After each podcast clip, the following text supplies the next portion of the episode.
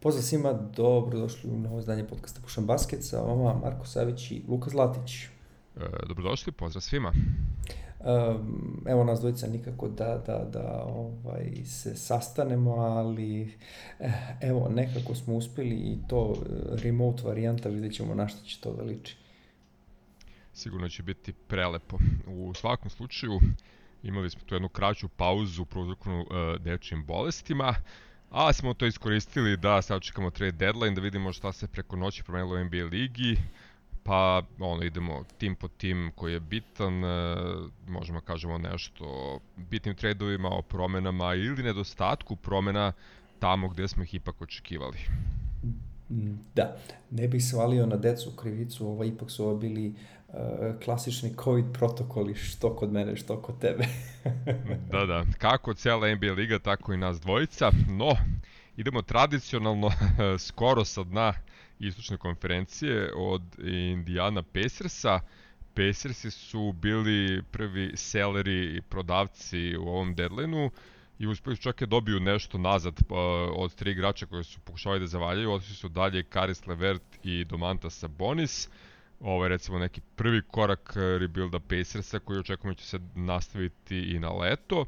E, u ove sezone možemo da očekujemo dve stvari. Prva je da se Miles Turner oporavi negde početkom marta i da vidimo koliko će kako igrati kao glavni centar e, da dokaže šta sve zna, ume i može bez Sabonisa, a u tome ćemo pomoći novi playmaker ekipe Tyrese Halliburton koji realno ima šansu da vrlo brzo postane pravi vođa ove franšize.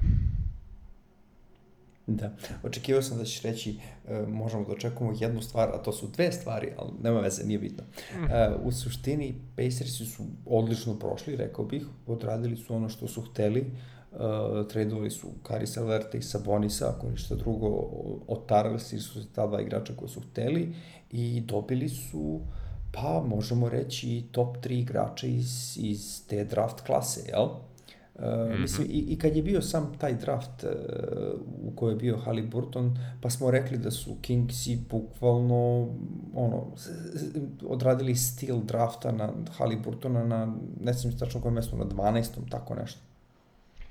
Da, uh, bio je, bio je Teris 12 i jeste bio stil drafta i ono kao koliko god i možda nije trebao igrač tog tipa, bilo je besmisleno da ga ne uzmu jer je bio ubedljivo najbolji u tom trenutku i ove sezone kad god je Darren Fox bio povređen ili ovaj, pauzirao iz nekih razloga, Teris je sabijao na terenu, dokazuje već sada visoku klasu i realno će dečko biti igračina, a ono, ovde ima ključevi ruke i samo da gura.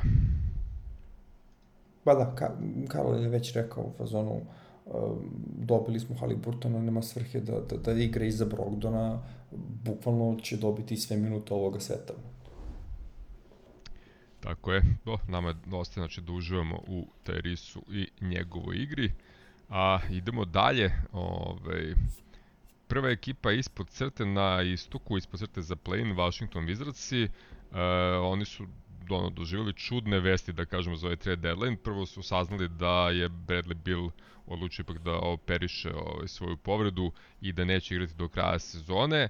Uh, a doveli su vrlo interesantno Kristapsa Porzingisa, pritom se rešiši Treza Harela, uh, Bertansa i Spencera Dinvidija.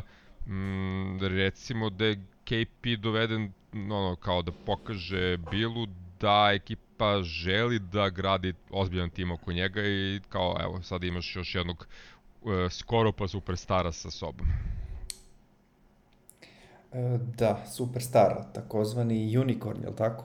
Unicorn. Mislim, unicorn je da li zbog toga što je tako, e, mislim, e, toliko visok, a opet pokretan, ili je unicorn zbog toga što ga skoro nikad ne vidiš. No, dobro, nema veze. Ovaj, kontam da ćemo se ove teme više dodaći kada dođemo do ekipe iz Dallasa, ali bilo je očigledno da, da, da Vizerci žele da se reše Dimvidija, jer navodno ga sa igrači nikako nisu volili, navodno je bio toksičan za ekipu, pa mislim ovo čak i logičan potez. Što se Bertansa tiče, to je, to je jedan od loših ugovora u ligi trenutno, tako da je to pobeda sama po sebi, njegov ne, mislim, ja sad ne znam da li je to voljni moment ili šta, ali, ali njegova igra je drastično pala ove sezone i on nikako ne vredi tih 18 miliona što je dobio na konto, pa, jedne, dve sezone ili šta ja znam, Ryan Anderson mi pada na pamet. E, sa treće strane, da li ovo znači više minuta za Tomasa Bryanta, da, da li možemo da vidimo postave zajedno sa njim i KP-em na četvorci, to, to bi recimo bilo interesantno.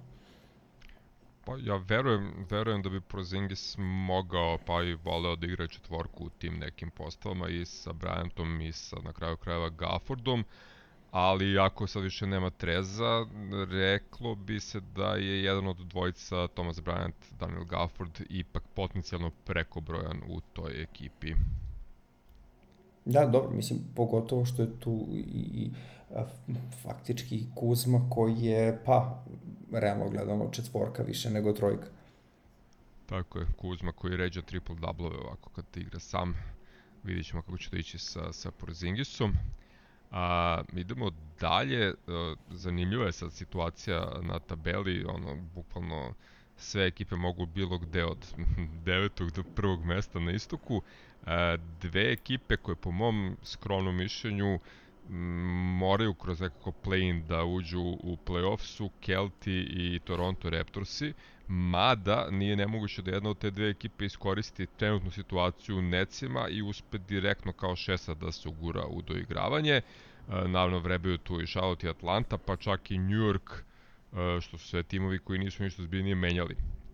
E sad, Raptors imaju jednu promenu na deadline manje više veliku, poslali su Dragića koji ništa ne igra u San Antonio, a, dobili su Jubanksa koji je vevovan i tada Younga, Tadeusz Young bi zapravo mogao da bude korisni igrač u play-offu, e, jedan je gubitnik sad u toj priči naravno opet Buše koji jedno će dobiti neke minute i sad imaju još jednog igrača da se ovaj, da mu krade te minute, a pošto znamo da ga Nars ne voli, to je to za Bušea, rekao bih.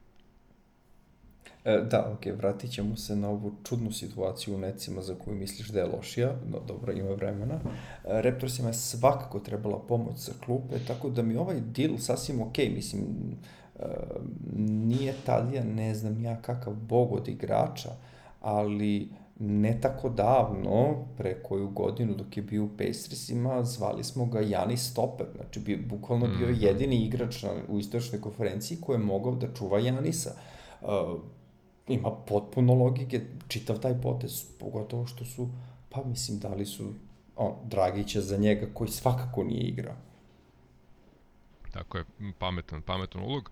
O, pa što se Neca tiče, mislim da je njihova trenutna situacija malo buđava, ono, ima ono 10 vezanih poraza, ali više to je malo kasnije, a treba će mi vremena da se povrate, no da trknemo i do, do omiljenog mi Bostona, ove, ovaj, oni su menjali mnogo više i rešili su se Šrudera, što smo manje više izgledali se desiti, e, ostali su bez Enesa, Kantera, hoću reći Friduma i Josha Richardsona, sa druge strane dobili su ponovo Tajsa, koji je već pokazao da u dresu Bostona zna da igra. I dobili su novog prvog pleja Derika Vajta, Uh, nije to sad neki trade koji njih pretvara u favorite ove sezone, ali jeste potez koji priprema onako dosta fino za sledeću sezonu i neki konačno dugo čekani uh, korak napred Bostona. Pa da, mislim, čak i ove sezone je, je ovaj trade čista pobeda.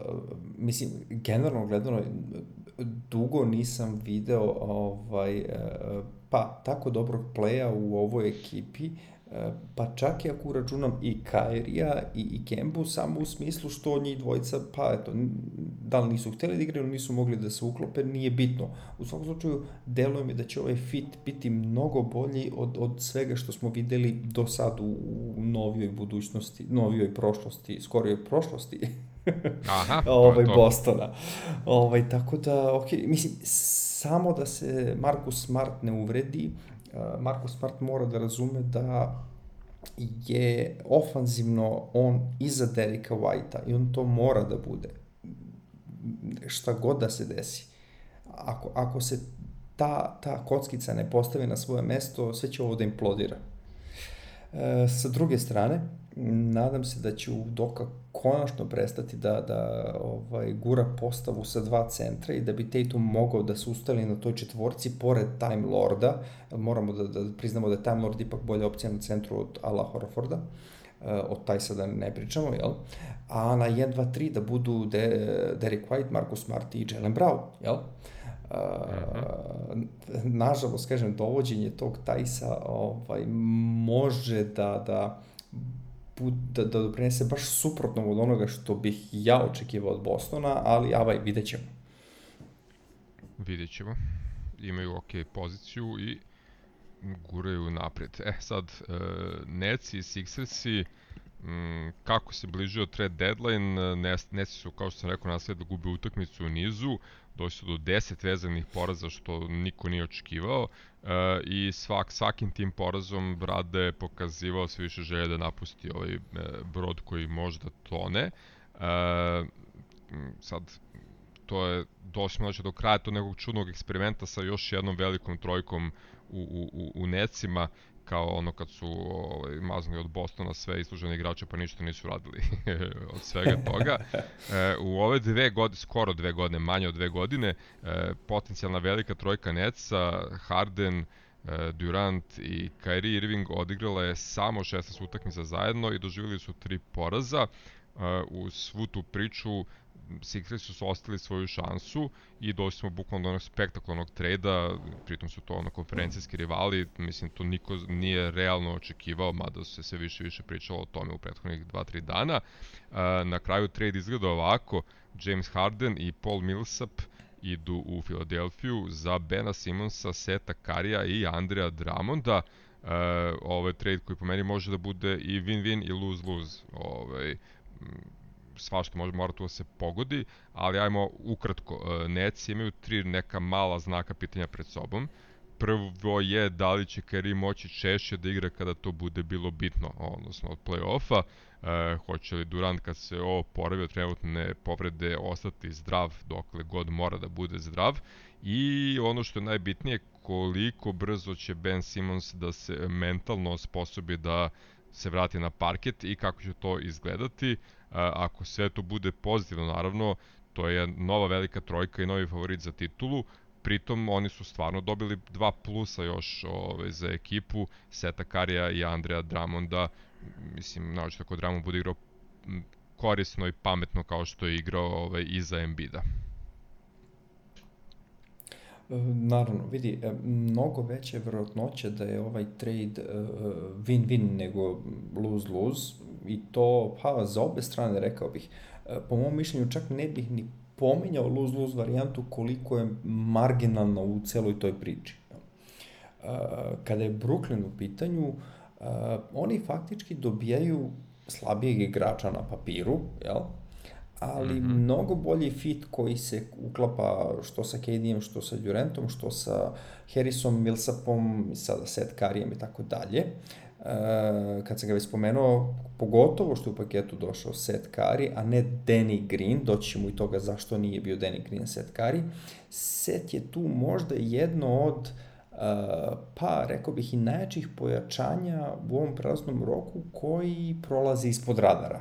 Mislim, nije ni on Brin Forbes, ali je za, za Petija Milsa bog odbrane lično. Ove, ovaj, tako da je to svakako upgrade, a mislim što se šuta tiče, on ne zaostaje za Petija Milsom uopšte ništa specijalno, čak ima, čak ima i, i, i opciju da prodre do koša za razliku od Petija Milsa, kome ta stavka je malo slabija. Uh, druga stavka, zašto je ova pobeda za Brooklyn je činjenica da su uh, obezbeđeni ako Kairiju sutra dune da želi da promeni tim, kao što uvek može da se desi, već smo viđali da Kairi kaže ostajem ovde do kraja života, a ne ipak idem. Ovaj, tako da samim tim bi i bilo fair, recimo, da, da ono, KD-u nađeš bolji dom ako već Kairi odlazi i tako dalje, ali ostaje ti mladi all-star igrač uh, oko, kog, oko kojeg možeš da gradiš ekipu. Znači, opet su tu pa ono, kao bar poluobezbeđeni, ako ne skroz, znaš, ono. Sa treće strane, već, e, već neko vreme vidimo da, da Harden igra bezvoljno, a, a to faktički nije vredno para koje dobrije. A taman se popravio posle slabijeg starta i sve krenulo na, na gore i sam se spomenuo posle ovih vezanih poraza, on je već krenuo da igra ono kao, e, ajde, da ja idem odavde, a da ne moram da kažem rečima, jel? da. No, dobro. E, e, iskreno ne bi me čudilo da, da cela ta Kairi situacija doprinela svemu ovome, ako ne u celosti, barem, barem malim udelom da, da, da Harden kaže, brate, nemoj me zajebavaš, idem ja negde gde će bar ljudi ozbiljno da me shvataju, znaš, ono. Uh, što do, do, dodao si Dramonda, da Dramond će biti jedan od e, četiri centara koji će neci moći da rotiraju. Uh, tu su i dalje Claxton, tu je Blake Griffin, tu je Lamarcus Aldridge. E, s obzirom da nemaju nijednog valjanog centra za titulu, ovo je, pa, mislim, solidna alternativa da ti dodaš, pa ih menjaš, vrtiš, vidiš koji će da, da, da, da proradi, jel? u kom trenutku, u kom matchupu i tako dalje.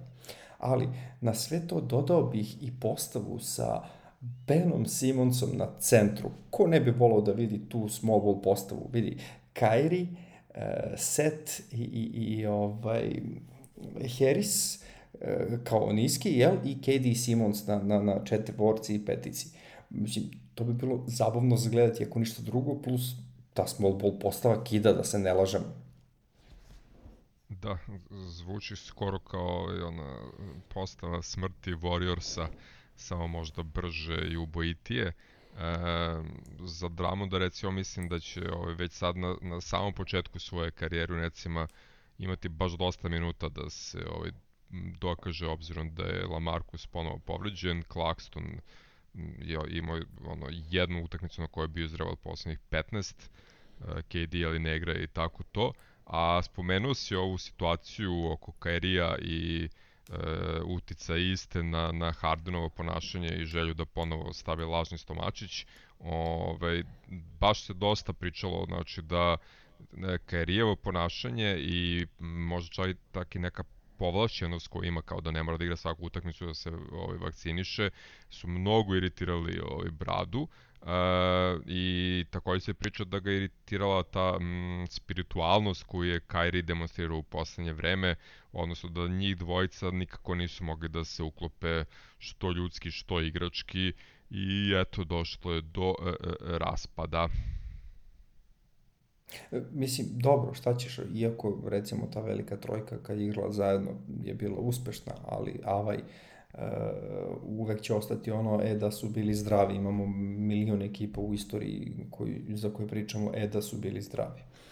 Tako je. Uh, no dobro, da, da pređemo na Sixers-e, što se njih tiče, uh, uspeli su da dovedu Hardena uh, za Seta Karija i Dramonda. I ja to tako vidim.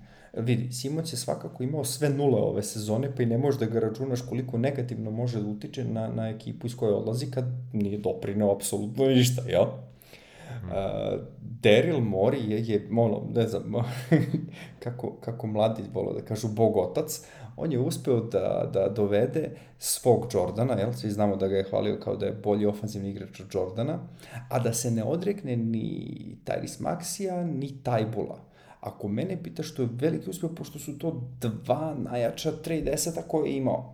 Mislim, dva mlada perspektivna igrača su u suštini bili ono, na, najjači trade chip koji je imao. I on ih je oba zadržao. Zbog toga je otišao Seth Curry, a ne Danny Green, jel? Pretpostavljam. E, dobro, naravno, dolazimo do toga da je ovo sada faktički neki pff, all-in sa Bradom, koji ne postaje mlađi, jel, za kojeg smo videli da, da, da može da bude pola igrača ako mu se ne igra. E, postoje pitanja na koje još uvek nemamo odgovor, ali e, u Sixersima Brada nema problem koji je, o kom smo pričali u trenutku kad se, kad se pojavio taj trade za, za, za Bradu u Nece. Znači, ovde već ne, nećemo pričati o tome da nema dovoljno lopti za sve, jel? Kad smo pričali o KD-u, Kyrie-u, Hardenu, kao čekaj, svakome treba lopta. Ovde je malo situacija drugačija. Uh, pa lopta u suštini neće biti u njegovim rukama samo kada Embiid igra u postu, na postu, kako već volite da kažete, a, ali sve ostalo je njegovo faktički, zar ne? Mislim, tako je bar to zamišljam, jel? S druge strane, možemo reći da i Embiid konačno ima igrača sa kojim može da igra ozbiljan i pick and roll i pick and pop. Mislim, to sa Simonsom nije moglo. Znamo svi se kako je Simons ovaj, bar, baratao sve to sa njegovim šutom ili ti nevoljnost da, da radi na tome. Ali ovaj, ovo je prvi put da, da Embiid ima nekog, Embiid nije poznat kao pick and roll igrač, ali moguće da je to više zbog toga što nije imao sa kime to kvalitetno da radi, nego zbog nečeg drugog. Naravno, to opet ostaje otvoreno pitanje koje ćemo, na, koje, na, na koje ćemo odgovor tek videti. Jasno. Pa, ok, jedini gubitak zapravo koji se može direktno videti, ono kao otišli su set i Ben e, došao Brada je odbrana koju Harden apsolutno ne voli da igra, ali u svemu ostalom se slažem da bi mora da bude osetan boljitak e, Brada kad ga hoće bolji šuter nego Seth Curry bolji je možda čak i playmaker nego Ben Simmons i njegov igra kao što si primetio ovaj, više odgovara Embiidu. Na kraju krajeva Embiid je toliko dobar postao u poslednje vreme da je i njemu dosta lakše da se uklopi sa Bradom nego što je to bilo možda prošle godine ili tako nešto. Bukvalno jedina opasnost koju ovde vidim je da Harden počne nešto da se duri ili da se sukobi sa Embiidom koji je onako poznat kao trolčina i zebant. A, sa druge strane, ono, konflikta teško da može da bude ako ekipa pobeđuje. Znači, ako krenemo da kidaju od samog početka, e, ako se bude išao dobro u regularnoj sezoni, neće biti nikog razloga da se bilo ko sukobi sa bilo kime i Fila postaje ono jedan od favorita za osvajanje istoka. A svakako ostaje e, činjenica da je James Harden najbolji igrač sa kojim je Embiid imao priliku da igra u istoj ekipi, što takođe mnogo toga govori. E sad, e, favorit za osvajanje istoka onako mm, laskava titula ove sezone, ili imamo gomilu ekipa koje, koje to mogu da budu. E, jedno od njih su, na primjer, Cleveland Cavaliersi, Cavsi su doveli Karisa Leverta, a poslali su na drugu stranu Rikija Rubija, odnosno njegov ugovor koji ističe. Nije to ono kao blockbuster trade kao Ben Brada, ali je jako bitan trade, jel, kao što rekao, Rubio neće igrati do kraja sezone, e, pričali smo o tome u onoj mm, epizodi gde, gde smo prošli polusezonski ovaj, pregled svega, e, da, da Kasima fali back shooter i dobili su tu Karius Levertu koji pritom ume i da kreira igru, uh, ume da prođe do koša, da probije do kraja i mislim da je ono bukvalno savršen igrač za Cleveland u ovom trenutku. Da, mislim, nas dvojica pričamo o, o, o Karisu Levertu od kad postoji ovaj podcast, to je već više godina sad. Ovaj, jasno je bilo da Karis Levert ne leži Carlisle-u, pogotovo ne u konstelaciji gde Carlisle mola da se bori sa Domantasom i, i, i, i Milesom Turnerom sa tim problemom kako klopiti njih dvojicu, pa onda ubaciti još Karis Leverta koji je tek došao, tu je i Malcolm Brogdon i tako dalje, tako bliže.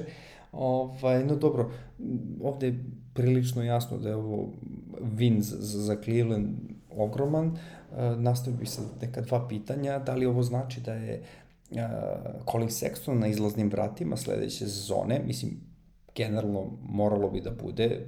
Mi, minute za razvoj neće dobiti pored Garlanda i, i, i Leverta. Uh, drugo pitanje koje je više šaljivo, šaljive prirode, ne znam da li si video mim za Lebrona gde on gleda u sliku i ono, vidi ekipu Clevelanda i radije bi bio tamo nego Lakersima. pazi, za, za Lebrona, ovaj, ne znam šta bih rekao, sigurno postoje mnoga mesta gde bi on sad voleo radije da bude, ovaj, tako da ok. A za Sextona je dosta zanimljivo. Mislim, evo, u ovoj prvoj utakmici uh, nakon treda Karis je igrao sa klupe kao šesti čovek i vođa ono second unita, a ostao je Isaac Okoro u prvoj petorci i ne mora da znači da to neće ići tako i dalje i ako bude to funkcionisalo kako treba, da, to je onda još jedan dodatni razlog da Sextonova vrednost ovaj, bude pretočena u nešto što će više fitovati ekipi umesto da se pravi ovaj, neki novi Dame CJ moment sa Sexlandom, tako da ok, mm, ne bih baš rekao da su Cleveland Cavaliers 100% favoriti da uzmu titulu ove godine ili da izađu sa istoka, ali napravili su sjajnu ekipu koja će u godinama koje dolaze biti jedan od takmaca u ovoj konferenciji. Pa recimo da se, da se sezona danas završi, oni bi bili više nego radosni, ovaj, kako se to završilo. To, to svakako. Ovaj, e, kao i sve bitne ekipe na istoku i Chicago Bulls i Miami Heat su se provlačili kroz tračeve, trač rubrike i tako to. E, Bulls su čak bili blizu ozbiljnih pregovora oko Jeremija Granta, ali je na kraju zapravo samo Miami uradio neki mini potez kojim zapravo oslobađa, oslobađa mogućnost tradovanja pikova prve runde na leto. E, E sad, to što nijedni drugi nisu ništa radili, ne da su mi slabi od Netsa i Sixersa. Uh, ali ne znači ni da su jači, a Miami je možda bio najjači ovaj, po našim bar procenama na, na istoku. E, u svakom slučaju, e, za razliku od prethodnih par sezona gde je bilo ono prve tri ili četiri ekipe na istoku niko ne može da pobedi ovih nižih. Sada mislim da ni jednu od ekipa koja će igrati u play-offu ne samo da otpišemo bez razmišljanja. Pa da, mislim, tako je došlo do toga zbog silnih povreda i tako dalje i zbog uh, dobrih poteza određenih ekipa uh, na istoku. Uh, vidjet ćemo kako će to da ide. Miami je tu gde jeste i recimo u njih bi svrstao kao i Phoenix Suns recimo. Mislim da je sa njima najmanji problem što su odradili ono varijantu stand pat ili ti ne uradili ništa oni imaju šta imaju, oni imaju sklopljenu ekipu, njima je samo bitno da budu zdravi. I oni imaju ekipu da dođu do finala konferencije uh, ako se bude kako treba, jel? Yes. Uh, sa Bullsima imam problem, uh, u smislu, mislim problem, nemam dugoročan, samo kratkoročan problem. Uh, hteli su Jeremy Granta, ali da se ne odreknu Patrika Williamsa. Uh, Pa, mislim, ne, ne znam šta da vam kažem. Mislim, vidi, koliko god ja bio subjektivan i hejtovo ovaj, Jeremija, što zbog Nuggetsa, što zbog Lakersa i tako dalje. Ipak je previše dobar igrač da kažeš neću da dam ovog povređenog igrača od kojeg možda nikad ne bude ništa, dajte, dajte mi Granta za dž. Mislim, pre, preterali su. Ako su stvarno hteli Jeremy Granta, oni su morali da se odreknu Patrika Williamsa. Mislim, ne, ne vidim tu neku veliku razliku, a mislim razliku, ne vidim neki veliki rizik, a dobijaju mnogo za uzvrat e, istoga trenutka. Tako je, sad pitanje da li ovaj, da li je Detroit uz Patrika Williamsa možda tražio još neke dodatne pikove, pa je onda to ovaj, uticalo, a, ali ja da vodim Bullse, verovatno bih prihvatio ono Patrick Williams plus još nešto za Jeremy Granta, o, realna prilika da se već ove sezone osvoji titula. No dobro. Ne, mislim, o... informacija koju sam ja pročitao je da je Patrick Williams bio ta, ovaj, taj kamen spoticanja. Znači, bukvalno Patrick Williams. Da, pa dobro. Šta reći? Ove, vidjet ćemo koliko će to isplatiti Chicago ove godine, a koliko neće. Um, idemo sad mi na zapad i krećemo od ekipe koju volimo i trenera kog obožavamo. ovaj, I meni baš nije najjasnije da li se San Antonio Sparsi sada nalaze u sledećem koraku rebuilda ili m, mm, onako čisto random menjaju igrače.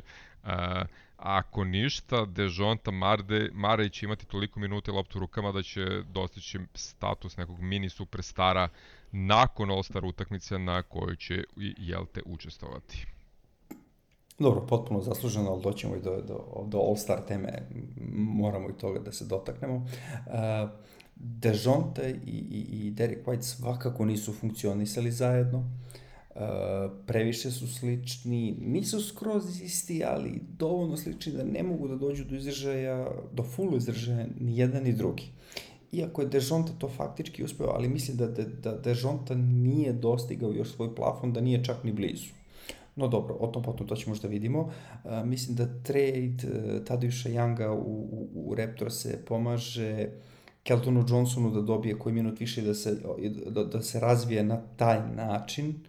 Uh, ono, šta znam, uh, da se vratim na trenera, uh, to je ipak trener za koje kažemo nikad ne sumnjaju Grega, jel?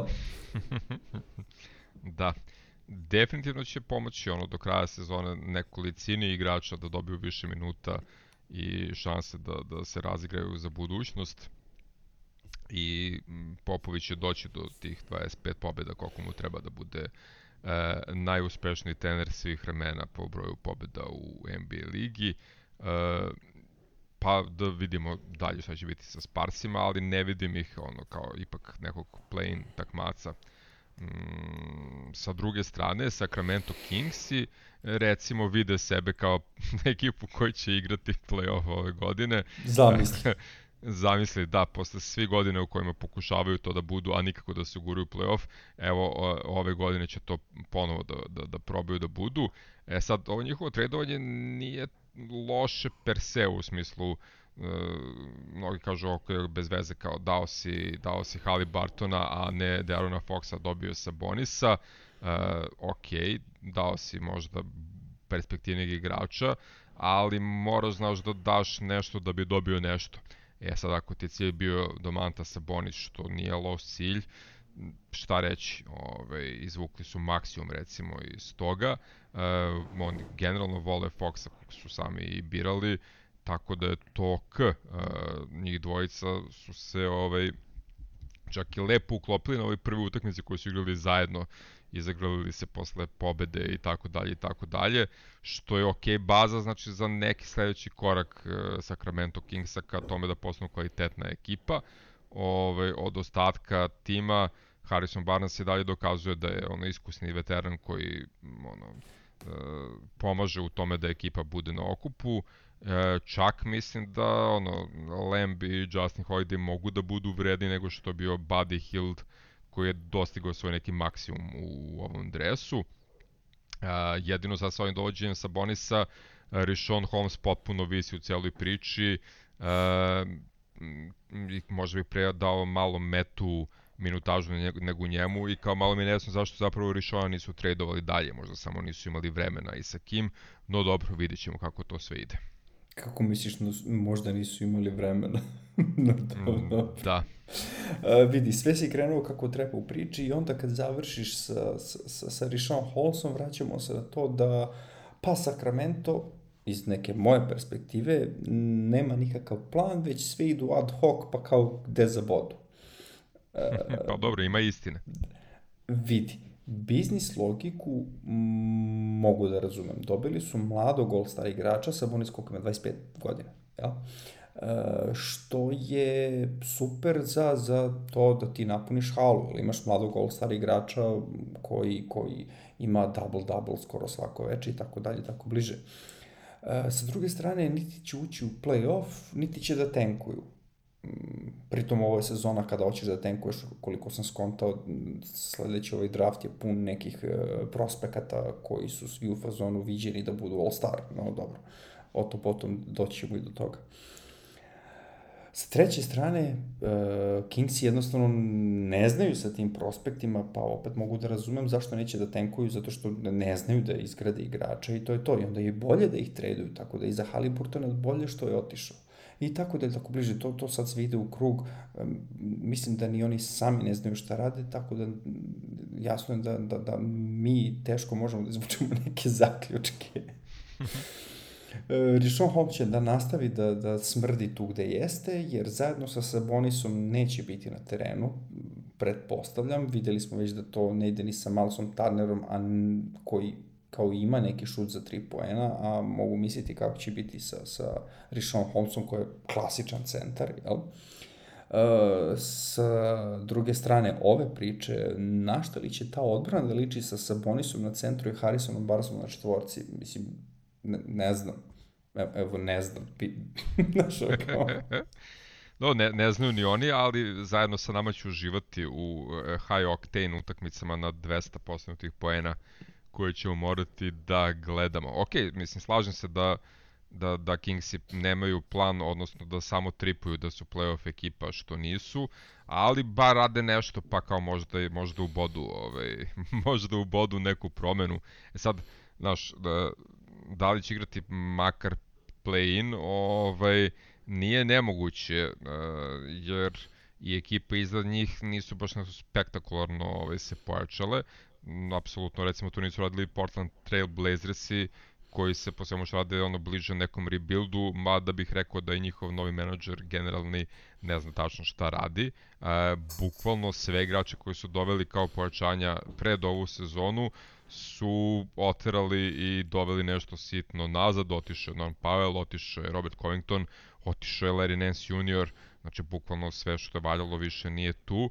E, nisu do, doveli mnogo šta nazad, znači ono, jedino što su zave, doveli zapravo je što vredi je Josh Hart, a da bi njega doveli, e, razdvojili su čuveni par CJ McCollum i Dame, ovaj, odnosno CJ-a su poslali u New Orleans Pelikane. E, kad se sve to sabere i oduzme, mislim da su malo šanse da će Dame čak da se, ako se oporavi od povrede da igra ove sezone, osim ako baš ne bude bila neka 100% šansa da su već tada play-in ekipa pa kao da proba da uđe u play-off.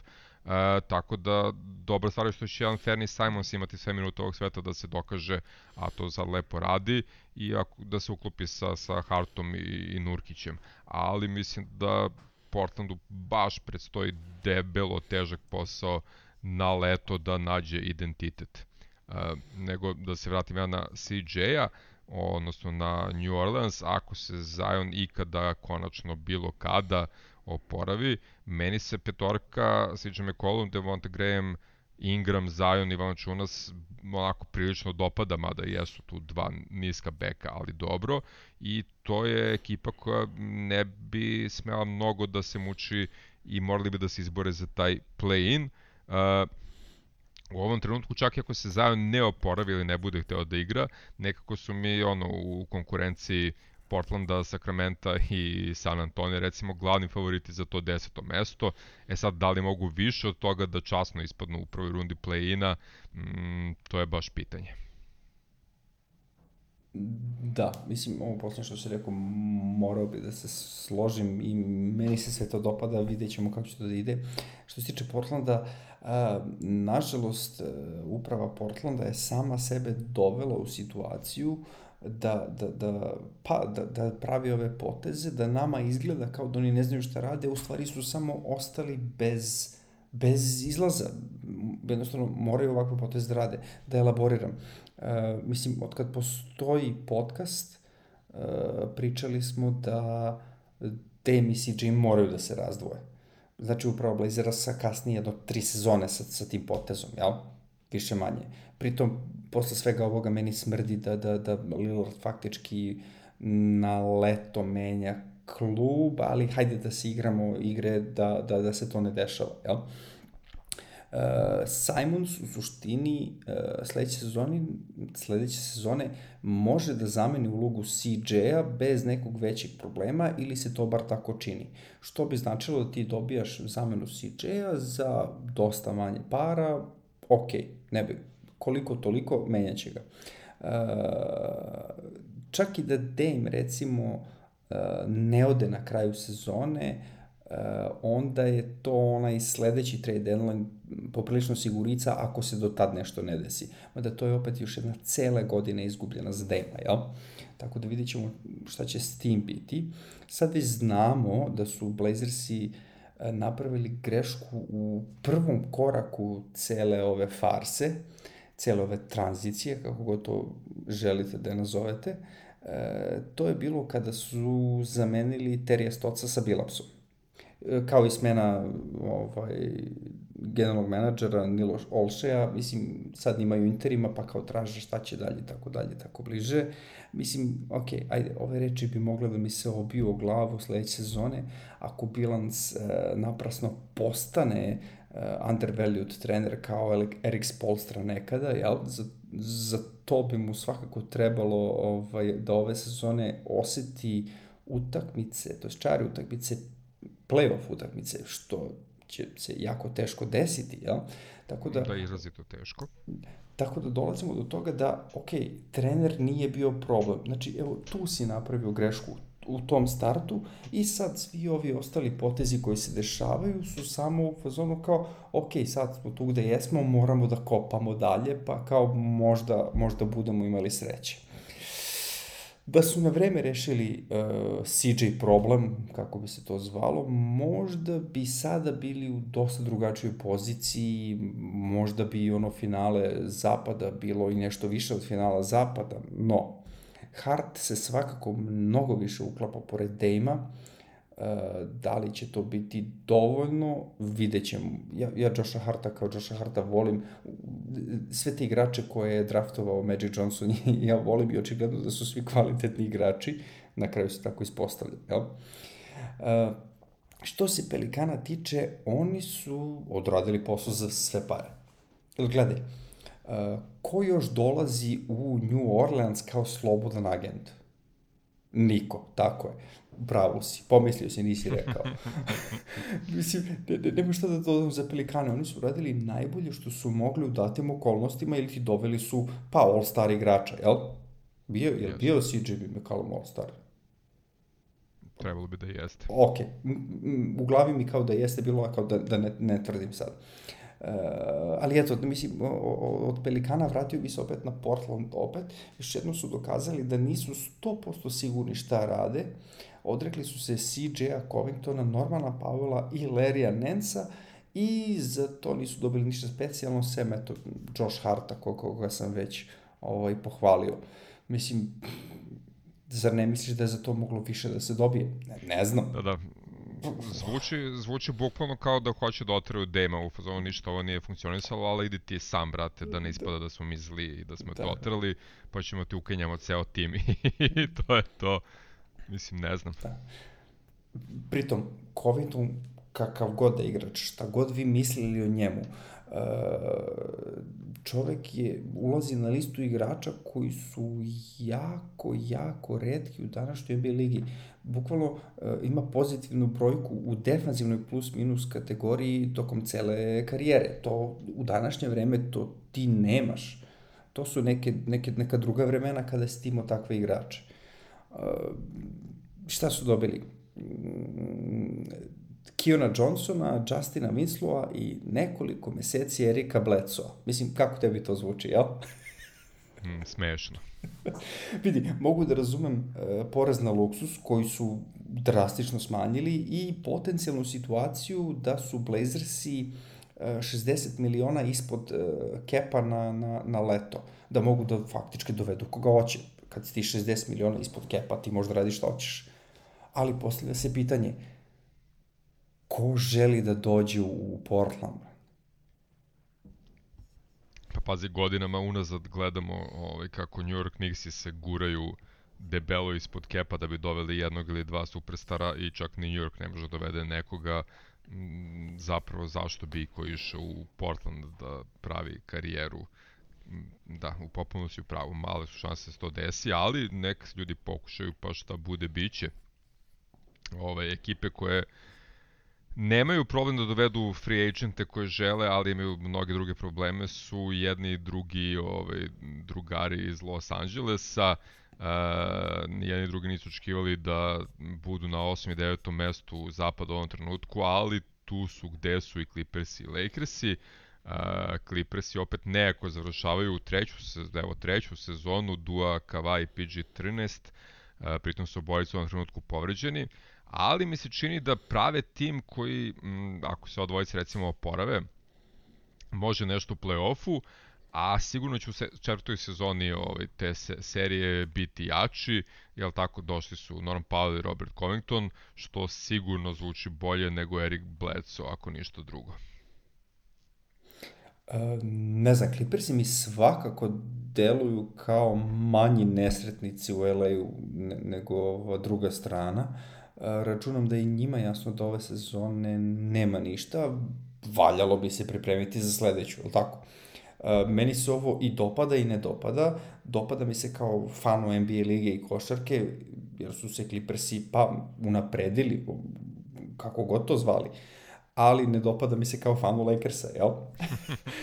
Što se centra tiče, tu će se popraviti verovatno među sezoni i završili su posao, reklo bi se. Sad vidit ćemo kako će sve to da ide. E, Steve Ballmer sigurno nije neko ko će da ovaj, škrtari i da neće da da pare, tako da ono, ba, baš su im široki putevi, jel? Pa ja mislim da jesu, imaju, imaju opcije. Ovaj, sa druge strane, ovaj, idemo u tvoje omiljene Lakers-e, e, trener Fogel i Westbrook su sada u, otvorenom sukobu, gde Russell smatra da ovaj, na ime stare slave zaslužio da igra u svakom trenutku, čak i kada igra očajno. Sa druge strane, Fogel kao i svaki normalan trener smatra da treba da benčuje igrača koji igra loše i da je to najbolji put za ekipu. E, dolazimo do situacije da, da Westbrook sedi na, na pored klupe i smeje se dok ekipa gubi ove, za to vreme Lebron gori, iziritiran je, iznerviran i tako to. E, moguće da se prvi put u karijeri osjeća da ono, on sam nemoćan da nešto promeni i pored toga što igra odlično, što ima vrhunske statistike, čak je izjavio i posle one utakmice protiv Milvokija kada ih su i Bucksi dosta odrali, da je svestan da Lakersi u ovom trenutku nisu na nivou Milwaukee Bucksa i da ne vidi kako će se ekipa na taj nivo podići ove sezone, što je onako dosta ovaj, uh, loša izjava. Uh, na kraju nisu uspeli čak ni da traduju ovaj, nikoga, Telen Horton Tucker je i dalje u ekipi. Posljednji trade Westbrooka za Johna Vola je propao jer su smatrali da ne treba daju ništa više od Westbrooka da bi dobili Vola, a Rockets su onda bili u fazonu, ja mislim da je bolje da oni zadrže Johna Vola koji neće hteti da igra, nego Rasela koji će da dolazi da uzima minute loptu i tako dalje i tako dalje mladim igračima. Ovaj, I ne samo to, nego su Lakers uspeli da izgube utakmicu od Anfernija Simonsa i Portland Trail Blazersa koje smo jeli već isprozivali da su ostali bez igrača. Tako da ono sad je već kasno za paniku, treba neki viši nivo da, da, da ono e, reakcije. Da, mislim, ako došli smo i, i, i do bolne tačke jednog od, od ovog našeg dvojica. E, što je najgrđe, jasno mi je bilo da će Vezdruka biti jako, jako teško tradovati, jednostavno je to veliki ugor, veliki problem. Um, čak su, mislim, i probali uz Westbrooka da daju talent Horton Takera i Pika, a da za uzrad dobiju Johna Vola i Kristijana Wooda, naravno, Houston Rockets su to odbili na, na, na moju žalost, jel? Uh, no, do, dobro, kažem ti, ali čak uh, to što nisu uspeli da traduju Westbrooka, to to mi nije toliko čudno koliko mi je čudno i, i potpuni kriminal da nisu tradovali Telen Horton Takera.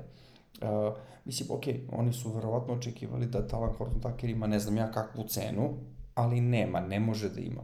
Ovaj, a, s druge strane, ne treba ti, ne to prinositi, znaš, ono, moraš da ga traduješ ako hoćeš da poboljšaš tim kao tim, znaš, ono, pa makar nek bude, neka bude loši igrač, neka bude bolji fit, možda ja lupam gluposti, nema pojma, ali možda sam rezigniran, otko znam, ne znam. Što se tiče glava za glavu trade-a Westbrook i John Wall, ne znam zašto je taj pik bio toliko vredan da ne probaš sa Johnom Wallom, znaš, ali okej, okay, mislim, možda oni znaju nešto, ja ne znam. Pogotovo ako ne daješ Talan Horton Tuckera, znači, ipak ti ostaje nešto, e, nešto mlado, pa neka si dao taj pik, razumeš? Opet, probao si nešto sada uh, sa Johnom Wallom koji će možda bolje da se uklopi, nek se uklopi isto kao i Westbrook, pa mislim, opet, ne znam, ne znam, potpuno sam rezigniran ovaj, što se tiče Lakersa i, i vrlo verovatno je da, da ću ove sezone navijati. No, vidit ćemo kako će, Da, za Sanse, ovaj, kad Lakersi ispadnu, jel? U svakom slučaju dolazimo do toga da, da, da, da se na kraju svodi sve na stavku koju trubim ja, bar od početka sezone. E, džaba ti super tim, ako ovaj tim Lakersa možemo tako da nazovemo, e, ako nema radilica koji će da grizu iza kulisa a takvi igrači ne postoje u Lakersima, sem malog ovog Ostina Reevesa koji je i dalje ipak samo ruki, jel? Ovaj, ime koje mi pada na pamet je recimo Alex Caruso, to, to je ta neka ovaj, Makelele radilica ovaj, koja je bila do prošle sezone u Lakersima. Da, a sad je radilica u Chicago Bullsima. Pa pazi, o, o, jedino što možemo sa sigurnošću da kažemo za, za Los Angeles Lakers-e je da možu, mogu uskoro da očekuju da ih i Lebron napusti ako ne budu draftovali Lebrona Jamesa Jr. odnosno Bronija, pošto Lebron hoće da igra sa njim u timu, tako da to je, to je sledeći korak. Uh, nego se evo sad nešto vrtim kroz glavu do sadašnjeg tog ovog podcasta i pričamo ovde o Clippersima, Lakersima, spomenjamo Milwaukee Buckse, uh, mislim da nismo rekli da je Sergio Baka prešao iz Clippersa u Buckse i da je to možda ono jedan gotivan moment i promenu Milwaukee-u gde ćemo imati ono minute i Bake i Janisa na parketu u isto vreme i tako to, odnosno to je moment koji možda fali Milwaukee-u od kako je PJ Tucker otišao. Da, nešto se drljao po trelu, zato nismo spomenuli. No dobro. Tako je, tako ovaj, je. Da, ja sam, prilično sam uh, oduševljen dovođenjem i bake.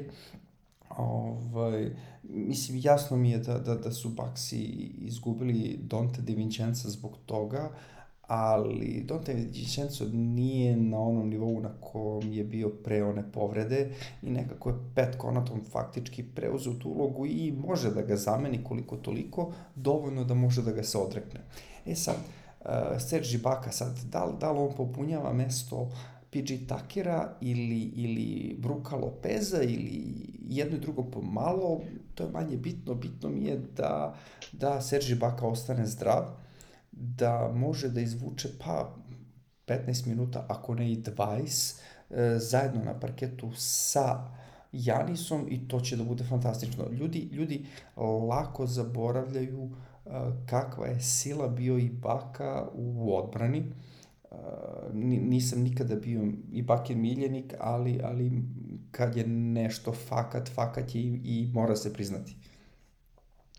Da, no, eto, sad ispoštovali smo Milwaukee Buckse, bravo za nas, o, ovaj, da se vratimo na, na ostatak zapadne konferencije. E, Wolvesi, Nuggetsi i Mavsi tri ekipe koje se bore za peto i šesto mesto, ove, koje idu direktno u playoff jedna od te tri ekipe će ispasti, odnosno bit će sedma ispred dvojca iz Los Angelesa igraće play-in.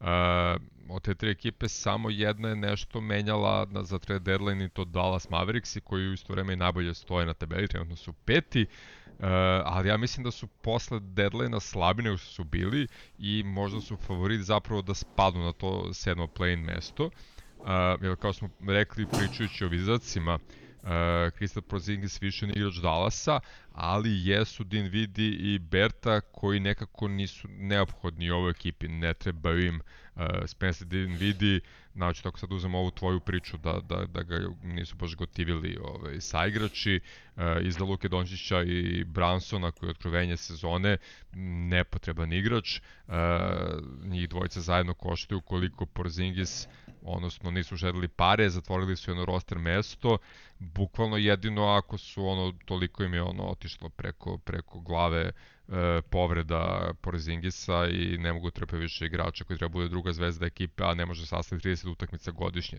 To je to. E, Dončić je čak posle treda rekao da je on verovao da oni Porzingis mogu nešto veliko, ali da nisu stigli na vreme od toga i da život ide dalje. Tako da ostali su mi Mavsi nedorečeni i morat će dosta da se potrude na, na leto da isprave ovo i da naprave od sebe ono kontendera na, na, na zapadu. Da, ovaj, nažalost, Luka pokazuje znake da je više LeBron James nego Janis Antetokounmpo i ovaj, imate doze dive e, koja me dovodi do sledeće tačke.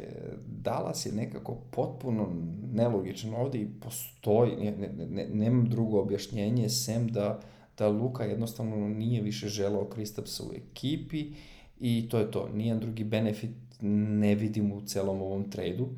Uh, sa druge strane, kad, kad, kad si ti uh, uprava uh, Dallas Mavericksa, uh, kakav izbor ti tu imaš sem da poslušaš svoju divu i odradiš to što treba da se odradi, zar ne? Mislim, hipotetički da se to tako desilo, ovo je moje nagađanje, ali, ali jednostavno ne vidim ni jednu drugu, uh, ni jedno drugo opravdanje za ovaj potez. E, video bih da, da su posle toga odradili još nešto, ali pošto nisu... e, mislim, ok, ajde, podelili su Kristapsov ugovor na pola, pa kao je lakše za trade, ali, ali da se ne lažemo, Bertansa neće tradovati nikad. On, za, za, za to što on radi 18 miliona je jednostavno mnogo. E, to ti isto kao, e, Petty Mills radi isto to za, za dosta manje para, jel? Uh, Dinvidi je ultimativni backup play, on je, on je možda i lakše za tradovanje, za slučaj da nije planiran za tradovanje, da li će on hteti da bude celu svoju karijeru ultimativni backup play. Mislim, jedino dobro što su uradili Mavericks u svemu ovome je što nisu tradovali Jelena Bransona srećom, ovaj, ali koja je onda uloga tu Dinvidija? Za Dinvidija su govorili kao pa teško mu je da, da igra pored još jednog pleja, misleći na Bila i tako dalje, pa kako će onda da igra u, u Mavericksima kad će na terenu uvek biti ili Luka Dončić ili Jalen Brunson, mislim, šta, uz njih, će, uz njih će magično da se uklopi, šta? Nije, nije, da. po, potpuna, potpuna besmislica, ovaj, tako, ba zato i kažem ovo, znači, tradovali su jedini od te tri ekipe i mislim da su se unazadili, ovaj, jeste ono Luka imao sad 50 poena utakmicu prvu posle trejda, ali to je ono neće moći stalno tako. Uh, idemo dalje po zapadu. Uh, jedna ekipa koju jedan od nas dvojice jako voli, Utah Jazz. Uh, oni su u trade deadline ušli iz gomile problema. Uh, Spider Mitchell se sporo oporavljao od potresa mozga, Gober se povredio, čak ni Hasan Whiteside nije igrao ovaj, zbog povrede neke utakmice, nizili su se porazi. Uh, neki novinari su krenuli odmah da pričaju opet o sukubu Spajda i Gobera, što je po meni ipak prevaziđeno. Uh, međutim, najgora stvar koja se desila Juti je što se Joe Ingles povredio do kraja sezone i nekako je tako povređeno uspod dodatno se žrtvuje za svoj tim. Uh, tradovan je njegov potencijalno ističući ugovor u Pelikane, odnosno uh, u Portland za Nikela Aleksandra Vokera, došao je Juancho Hernan Gomez u jednom tri team, four team trade-u. E, ostala je opcija da Jingles, kad mu istekne ovaj ugovor, da se vrati u Salt Lake City za neku siću. E sad, ovaj, da li je Nikel Aleksandar Walker e, potencijalni dijamant ovaj, u nastajanju za Jutu, ja mislim da jeste, on je dosta talentovan igrač, e, sposoban je sam sebi da napravi situaciju za koš i već ove sezone su od njega mnogi analitičari očekivali više nego što je pokazao u dosadašnjem delu sezone. E, sada će imati lakšu ulogu i bolje tim oko sebe i mogu bi da radi vrlo slične stvari kao Joe Ingles uz možda nešto loši šut. Da. E, ne znam, kad počneš rečenicu sa ja mislim kako čovjek da, razgovara s tobom. No dobro, ovaj, e, vidi, e, Nikel Alexander Walker je sve to što si rekao i potpuno se slažem.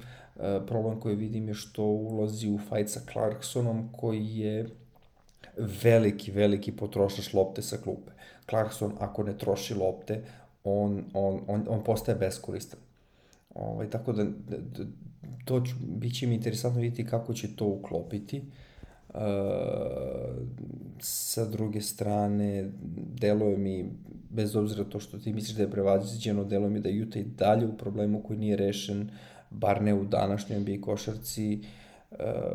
eto recimo oni nisu radili ono što je Dallas uradio, ovaj, nisu razdvojili dve zvezde koje se očigledno ne slažu. Mislim, ne, mislim da, da, da je to prevaziđeno, mi ne bi više čuli nikad ništa o tome. Očigledno da ti tračevi još uvijek postoje, znači gde ima dima, ima i vatre, bar minorno, ako ništa drugo. E, njih dvojci su i dalje u istoj ekipi, e, dovoljno smo tračeva čuli, E, naravno, nikad nismo ništa čuli dokle god je ekipa imala do, dobre rezultate i uspeh. Čim su krenuli loše rezultati, to je odmah isplivalo. Nije slučajno siguran sam. Da li njih dvojica mogu da budu novi Kobe i Shaq, te će oni to da stave po strani kad su na terenu, vidjet ćemo. Ne, ne znam da li tako nešto više postoji. No dobro, to sam ja nostalgičan, ostao zarobljen tamo negde, jel? U svakom slučaju, odličan posao je urađen što se tiče Joe Inglesa, s obzirom da je on nula rica do kraja sezone, dobili su bar nešto, ako ništa drugo. Jasno. Ove, idemo dalje po zapadu. Uh, Phoenix Sunsi, favoriti i Senke da osvoje titulu. Vidi, e, ekipa Arizona je pa, prva u ligi trenutno, ako se dobro sećam, nisam... Yes, yes. E, ovaj, i tek skoro pre x dana je doživjela svoj deseti poraz u sezoni, a, a niko, niko, niko ne priča o njima kao mogućem favoritu broj 1. Da, mislim da njima prija to što se o njima čuti i onako provlače se bez velikog pritiska i pobeđuju utakmice, što je najbitnije. Da, vidi, pre trade deadline-a e, raspored snaga mi je zvučao ovako, ono, broj 1 Sansi, pa jedno mesto prazno, pa svi ostali. Mislim, tako mi je bar to delovalo, ne znam, vidjet ćemo sad posle trade deadline malo će se to verovatno, neko se tu pojačao sigurno. Ovaj, ne, ne znam da su Sansi osvojili titulu prošle sezone, možda, možda bi mi pričali sad drugačije, možda bi Sansi bili ovaj, prvi favorit za titulu u, u svim mogućim medijama i to bi brujalo na sve strane. Ovako mi deluje kao da, da ih da ih doživljavaju kao Atlanta Hawksa koji su došli do finala istoka i kao, eto, došli ste do finala istoka, ali nije, niste to vi, nije to, to, to vam je to bio fluk, znaš. A u stvari, ja ne znam, evo, mislim, ok, istina je da su Sansi startovali sezonu sa, sa 1-3, znamo kako ide to u tim situacijama, odmah je krenulo, a evo ga, Chris Paul je gotov, nema njemu više snage i tako dalje, tako bliže. Uh, posle tog 1-3 starta oni su bili na 19-3. Pritom, Chris Paul igra svaku tekmu bez uzdržavanja, znači nema kakav load management, ne, on igra Uh, ok, malo su mu poeni opali, ništa strašno, asistencije su na najvišem nivou u poslednjih 8 godina, uh, skokovi, uh, ovo ću reći kao dobru stvar, skokovi stagniraju ili ti na istom su nivou koju, na kom su bili cele sezone. Obično su skokovi ti koji prvi odlaze, pogotovo kod bekova, uh, kako dolaze godine, ali, ali kod njega ne, očigledno, mislim, uh, pokušavamo da otpišemo čoveka već nekoliko godina, ali, ali čovek se vraća sve jači. Mislim, stavio bih to, stavio bih to koš zajedno sa LeBronom Jamesom, znaš, ono, LeBron James, kada uporediš ti tu, e, te fizičke predispozicije, LeBron James ipak ima uh, genetsku prednost, dok je Chris Paul moje visine, da ne kažem građe. Da, CP3 protiv vremena. Ove, ono što je dobro za Phoenix Sunse ove sezone, bar po meni je, što mislim da Devin Booker ne igra uopšte ove sezone sa 100% snage i mislim da on ima to ono, brzinu više u koju može da ubaci i ako uspe da podigne igru za taj jedan ili možda čak dva nivoa, kada uđemo u playoff, e, moćemo da gledamo još jače i bolje sanse nego što jesu, a jeli već su najbolji u ligi. Vidi, poenta da on ne mora da igra najbolje moguće, očigledno i, i sa pola njegove snage ili koliko već, oni su već tu gde jesu, sasvim dovoljno, čuvaš se za playoff, to je sasvim u redu, jel, mislim, pogotovo u današnjoj konstelaciji. Jel. Vidi, Ejton ne igra skoro pola sezone. Skor bez Ejtona je 18-3, ja mislim. Ako se ne varam, nisam, nisam potvrdio od posljednji put kad sam gledao ovu, ovu informaciju. Uh, kad se je spomenuo Ejtona, prošle sezone su Sansi ušli u problem sa, kad se Ejton povredio, a već je Šarić bio povređen. Ovaj, jednostavno ono, ako, ako Ejton ispadne iz igre nema ko da ga zameni, a ove sezone imamo Jovela Megija i Bizmaka Biomba koji je bukvalno izdivlju onim minutima koje imao kad je Ejton vuko povredu noge, tako da... Da, moram priznati da, da, da Javel McGee opet je uh, uh, rezurektovao je svoju karijeru još jednom, ovaj, taj ultimativni championship uh, uh, rim protector divlja, u, bar za te ovaj, limited minute koje ima ili ne limited kada Ejtona nema i tako dalje. Uh, znamo da već zna kako se osvajaju titule, tako da to, to je svakako samo bonus. Uh, ali evo, do, dotakao bi se recimo još jedne statistike, koliko god da statistika nije merilo, ovo ipak nešto uh, pa skoro pa neviđeno. Evo, uh, svi pričaju da je poslednjih pet utakmica 5 minuta utakmice najbitnije, što Ameri kažu klač, jel? I tada najbolji timovi uglavnom govore, e, ok, dosta je bilo, daj završamo ovu agoniju i zdravo. Što je CP3 uradio nedavno protiv Brooklyna, pre nedelju dve kad je bila utakmica, ono kao izašao je na klupio, seo i kao u poslednjih 5 minuta je bilo tesno i kao da se ja vratim, tap, tap, tap, završio ih je, jel? Sa tim u vezi, uh, E, Sanci su ekipa koja šutira 60% u klač vremenu. Samo da podsjetim, klač vreme kada je poslednjih 5 minuta i kada je razlika 5, 5 poena ili manja. Jel? Znači, u tom periodu Sanci šutiraju 60%. Znači, kada ruka treba najviše se trese, oni su 60% precizni da bih dočarao koja je to razlika, na drugom mestu su Clippersi sa 52% i svi ostali su ispod 50%, gde su Pacersi poslednji sa 36%.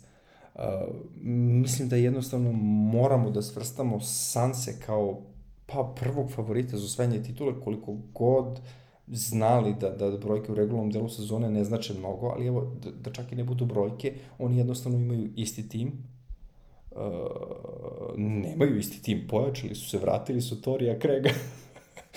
Znaš, da. ono, koji već zna koja je situacija tamo, zna, znaće kako će da se uklopi, to je još jedno odbrambe, još jedna odbrambena trojka, četvorka, u zavisnosti od postave, ne znam kako da ih ne svrstamo u prve favorite. Ne, nije mi jasno. Pa, da, dosta teško, ok, imamo gomilu favorita ove sezone, zanimljivo, ali Sansi imaju tu nijansu više po svemu sudeći u ovom trenutku. Što se ostalih favorita na zapadu tiče, da, ne, da ih ne zaboravimo kao smo zaboravili kao smo zaboravili Milwaukee Bucks da spomenemo, uh, imamo Memphis i Golden State, je tako? Ovaj, Memphis izvan, iznad svih očekivanja, treći na zapadu, Oni ništa nisu radili da se pojačaju ovaj, za trade deadline, ali to je potpuno okej. Okay. E, oni su ekipa koja planira i ima plan kako da napreduje iz sezone u sezonu i koja će u ovom sastavu biti jako težak zaloga za bilo kog protivnika u play-offu. Pa dobro, vidi, oni nemaju potrebe da diraju bilo šta uh, ekipa je tek usponu i, i sve ovo uspeh. Sve ispadu u prvoj rundi, oni su, oni su i više nego pobednici. Uh, mislim, obojce nam je jasno da neće biti tako lak zalogaj ni u drugoj rundi play-offa ako dođu dotle, a ne u prvoj. Tako da, da ne vidim ništa loše u, u, u Memphisu što, što je jednostavno ostao sa ekipom koju ima, koja radi jasno drugi, odnosno ekipa broj 2 na zapadu, Golden State Warriorsi. E, oni su se fokusirali zapravo da reintegrišu Kleja u postavu i to ide dosta dobro i da uigraju sad tu novu klupu kada ovaj Jordan Poole kao šeti čovjek i tako to što ne ide baš toliko dobro s obzirom da su im stalno povređeni silni igrači među kojima i Draymond Green koji neće igrati još nekoliko nedelja.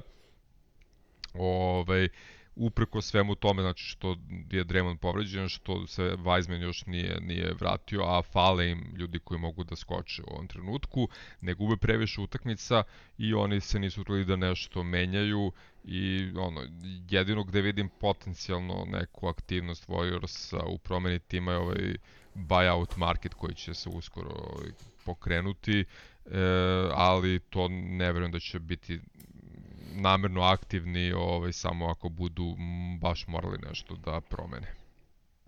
Da, dobro, okej, okay. sad, sad Warriors imaju još jednog all-star startera, ali to je sad već druga priča koju bi pa mogli da opljujemo ako si zainteresovan. pa nećemo previše o All-Staru da pričamo, ali ok, zahvaljujući uh, nekom K-pop pevaču, ovaj, a Wiggins je postao All-Star starter, ok, cool. Uh, meni je kod ovog biranja All Star utakmice dosta bilo zajebancija oko svega toga, baš bilo, bilo na visokom nivou, znači Lebron i Durant kao dva kapitena su birali svoje ekipe, sada već tradicionalno, mislim, čak i peti put kako to ide. E, obično poslednjeg biraju Gobera kao čovjeka koji e, nema nijednog talenata koji je potreban za igranje All Staru. Ovog puta su jedni drugi zapravo izbjegavali da biraju Hadena do samog kraja, Tako da je Brada zapao u Lebronu u ekipu kao poslednji pik na draftu gde su se svi smejali. Uh, ono, Bron je čak i pitao da li je Harden povređen i zato ne igra, pa je onda Charles Barkley koji je to prenosio rekao da da sad kad je tradovan više nije, nije povređen pa će igrati, a Durant je dodao ovaj, oko tog trejda uh, jeli, Brada za Simonsa da smatra da je bukvalno svaka strana uh, u tradu dobila ono što je želela, tako da su sada svi srećni. Da, bilo, bilo interesantno to, ovaj, to biranje, pogotovo što recimo ovaj Ernie, jedan od ove velike četvorke sa, sa NBA TNT, pitao KD-a u fazonu kao da li imaš neki komentar na ozbiljnost tvoje povrede i kada očekuješ da se vratiš na teren? KD je sam rekao ne. ne. ne. Kaže, kaže, kao, ok, mislio sam da će tako reći, sve ok. A da, bilo je očigledno da izbegava Hardena da bira, no dobro, ok, to je sad već sve show, jel? Kad smo već kod showa, da ovaj All-Star gubi a, svakakvu moguću kako bih rekao, tradiciju koju je imala i, i, i mislim, samo glasanje gubi smisao, samo biranje gubi smisao, a, a problem je što se All-Star postava, i, to je prvo All-Star postava i učestvovanje koristi kao nešto što ti povećava ovaj, platu u ugovoru sledećem, jel? To, to, to je veliki problem jer onda, onda, onda treba da, da napravimo pravo glasanje, znači ukidamo lepo konferencije, pošto konferencije svakako ne postoje, kad ljudi izglasaju, onda opet neki Lebron i neki KD, a, si vidio kako se ubacuju neki, biraju kao tamo neki igrači i sad tu više nema konferencija, to, to se meša, razumeš? Pa čekaj, ako se meša, ajmo onda glasanje, top, koliko, 30 komada, neki ide u All-Star, ja i zdravo, nije bitno pozicija, nije bitna konferencija. I zato mi dobijemo Viginsa, koji je All-Star starter pre jednog Devina Bookera, razumeš? Ako mene pitaš, to je sramota. Ako mene Dobro, pitaš, to je sramota. Su, imali su bolju marketinšku priču sa K-pop zvezdom koja je pozvala svoje male koreanske fanove da glasaju za Viginsa i to je to. Tako da... Znam, znam, ali ni to ne bi pomoglo da, da nije bilo ovoga sa konferencijama i pozicijama, jel?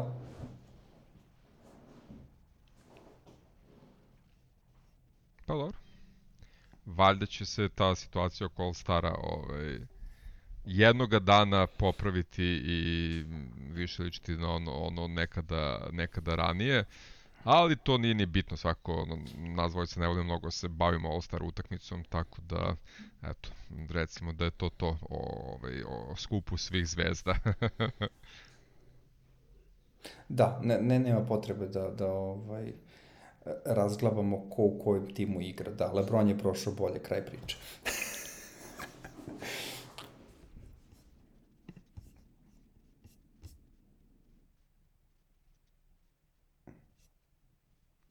Mogli bi polako da završimo za slučaj da si još tu. Da, da, ajde Aha. ovaj, da, da Utihnuo pozdravimo, sam, po, da pozdravimo, da pozdravimo naše ovaj, verne slušalce, zahvalimo se što su sa nama bili ovih sati 15 minuta pričanja o trade deadline-u i mnogo čemu još. Tako da od mene, dragi slušalci, hvala na pažnji i doviđenja. Do sledećeg slušanja.